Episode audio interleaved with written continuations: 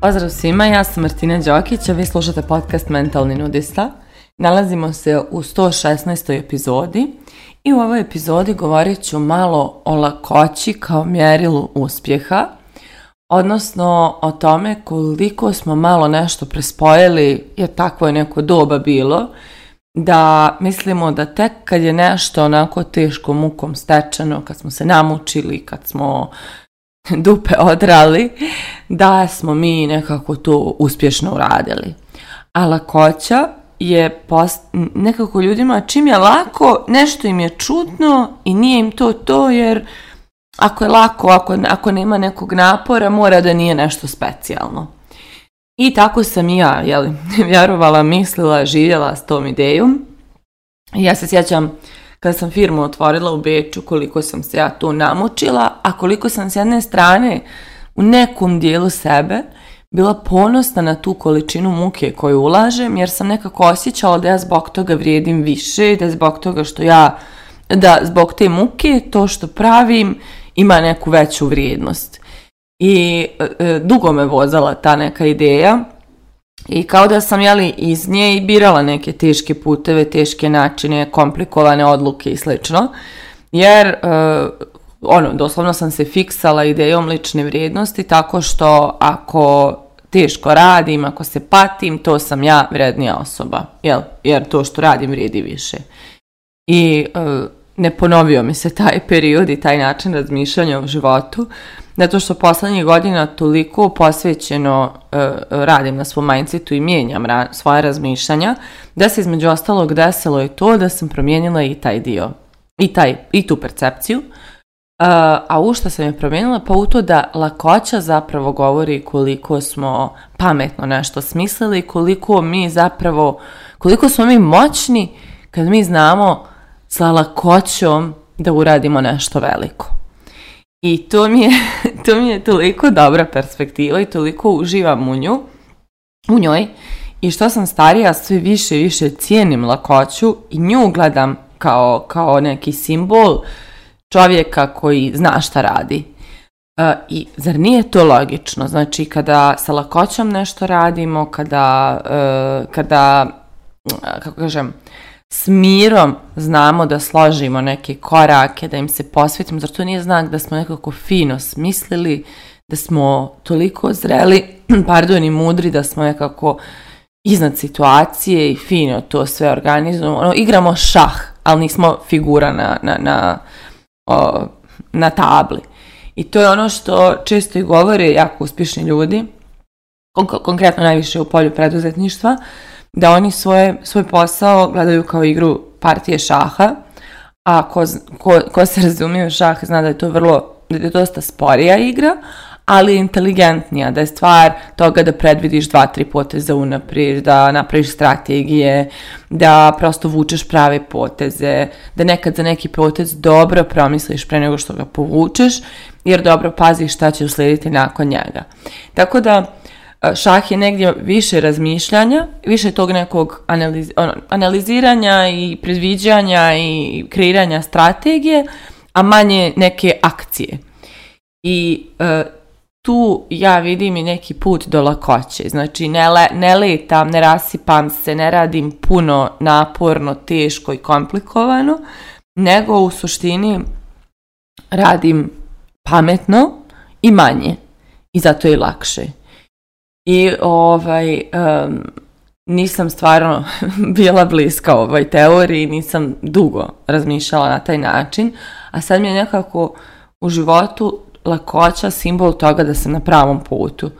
E sad, kad nije lako, postoje neka dva načina kako nije lako. S jedne strane, nije lako ono kad se sve opire, komplikuje, remeti, e, znači tada to je po meni ono neki put koji, koji možda nije naš, i, a biramo da idemo tim teškim putem iz nekih uvjerenja, jer nešto moramo, trebamo, to je jedini način, ne vidimo drugi i tako dalje. A postoji druga teškoća, a to je, na primjer, evo, ja e, sam napravila sebi neke ciljeve i radim na njima vrijedno, znači, ustajem ujutru, idem da treniram, učim engleski, e, završavam neke obaveze. Znači, radim jako vrijedno i disciplinovano na svojim ciljevima i to često nije lako, ali ja uživam u tim koracima, iako mi se često ostaje u krevetu ujutru umjesto da mi se ide na trening, iako često bih da imam slobodan dan umjesto da imam gomilu obaveza, ja i dalje sa srećom pravim te teške korake, zato što znam gdje me oni vode. I tu je zapravo ta razlika o toj teškoći o kojoj pričam sa početka. Znači, nekada sam radila teško, mnogo i komplikovano. Zato što nisam znala da može lakše, nisam vjerovala da može lakše, nisam radila na tome da mi bude lakše, da pravim neke pametnije poteze, nego vođena tim, da ako je teško to vrijedi, meni je bilo sasvim prirodno da se sve oko mene opire, da se komplikuje, da ne znam kako, da, da, da ne vidim izlaza, ne vidim rješenje i tako dalje. I onda je ta, tako ćemo reći, teškoća meni bilo kao logično kao pa da, pa da, ovako treba da bude, da bih ja ovaj, znala da, da radim pravu stvar, jer to čim je tako teško, to je nešto pravo, nešto važno, nešto veliko. A sada čim se nešto tako otima, opire i komplikuje, ja to već vidim kao znak da nisam na pravom putu i da ta teškoća zapravo komunicira da to nije nešto autentično moje, da to nije neki za mene put dobro smišljen i možda ja mogu doći do iste potrebe, do, jer mi svi nešto radimo da bismo osjetili neku emociju, možda ja mogu doći do te iste emocije, ali nekim putem koji je moj, koji je doslovno pa tako reći lakši nije, da, lakši koji, koji je prirodniji meni. I sjećam se par nekih poteza u životu koje sam isforsirala doslovno, jer opirali su se, a ja sam gurala, gurala, gurala. Evo, na primjer, kada sam otvarala firmu u Beču, trebalo je da uzmemo prostor. I našli smo neki prostor koji nam se sviđa dogovarali s vlasnikom da ćemo da ga uzmemo, međutim vlasnik sam, nam se nije javljao mjesec dana, mjesec i po i tako dalje. Mi smo mu slali mailove, pisali poruke, on nam nije odgovarao i tako dalje. I e, nekako se opiralo, nije, nije htjelo. I ja sam toliko bila uporna da hoću taj prostor, da to mora da se desi, da sam jedan dan otišla do prostora i tamo zvonila na vrata, kucala, virkala kroz prostor, da on otvorio bio je tu. Ja smo mi njega pitali, pa dobro, mi čekamo odgovor, dogovarali smo se da mi ovo uzmemo, ovo, ono, onda on tu kao, ok, važi, može, evo, i onda smo ušli u proces ugovora.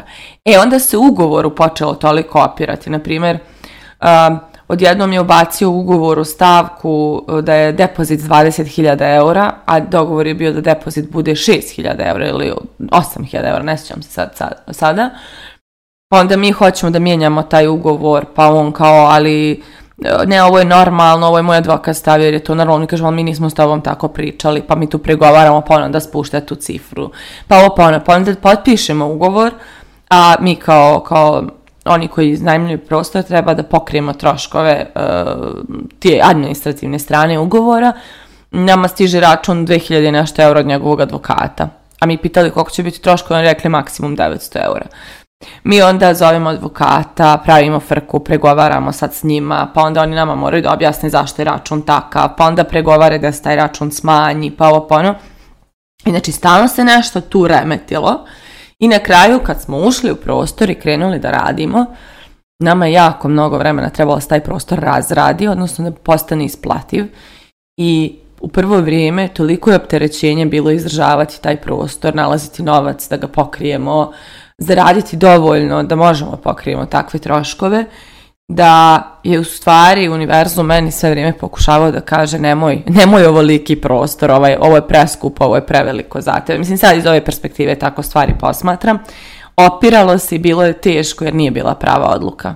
Znači da, da smo uzeli manji prostor, da smo uh, uzeli prostor koji zadovoljava tačno one potrebe koje imamo na tom nivou, a to je da imamo svoje module i još iznajmimo radnim danima, to bi bilo idealno, a mi smo uzeli prostor od 200 kvadrata sa tri sale koje su dugo bile prazne jer je trebalo da ih opremimo, pa nismo, pa sjećamo, opremimo jednu, pa kad neko iznajmi drugu salu, mi iz te prve nosimo namještaj, opremamo ovu drugu, jer nemamo namještaja za sve. I mislim, sad su sve to slatke priče koje su mene formirale, ali sada takve odluke ne donosim, osim ako Eh, ako, znači ako mi se otimaju, ne donosim ih više. Jer ja sam svoj posao već radila i bez tog prostora i već sam imala i klijente i već sam držala module u Beču. I to što sam tako isfarsirano uzela taj prostor nije uticalo na moj posao tako da sad odjednom imam više klijenta, klijenata momentalno, nego baš sam dugo morala da radim da taj prostor dobije pojentu toliki. Tako, I ne ja, nego ja i moje kolege. Tako da, ovaj, to mi je primjer kako mi je teškoća sve vrijeme komunicirala da ne radim pravu stvar. Imam još mnogo takvih primjera, ali suština je kada je lakoća. Znate kako se to složi u 5 sekundi, kako prava osoba naiđe pored vas, izgovori vam pravu rečenicu, vama ta rečenica otvori neka vrata, ma znači, to je nevjerovatno. I sad sam zaista u fazi kada lakoću gledam kao pravi put. I kada čim je nešto onako suživanjem i lakoćom ili suživanjem i nešto malo napora, to je moje, a čim se otima i teško je, nema šta time da dokazujem, to nije moj put. Znači da je moj bio bi lakši. Tako da moj neki zaključak je lakoća je znak da smo na pravom putu, lakoća je znak da radimo pametno, kad nam nešto ide lako, a radimo to fenomenalno, to je znak da je to nešto naše, da smo mi u tome najbolji i da treba to da radimo, jer iz te lakoće imat ćemo potrebu da još kreiramo, još stvaramo, još razvijamo i postajat ćemo sve bolji i otkrivat ćemo sve više svojih potencijala jer će nas voziti taj dobar osjećaj.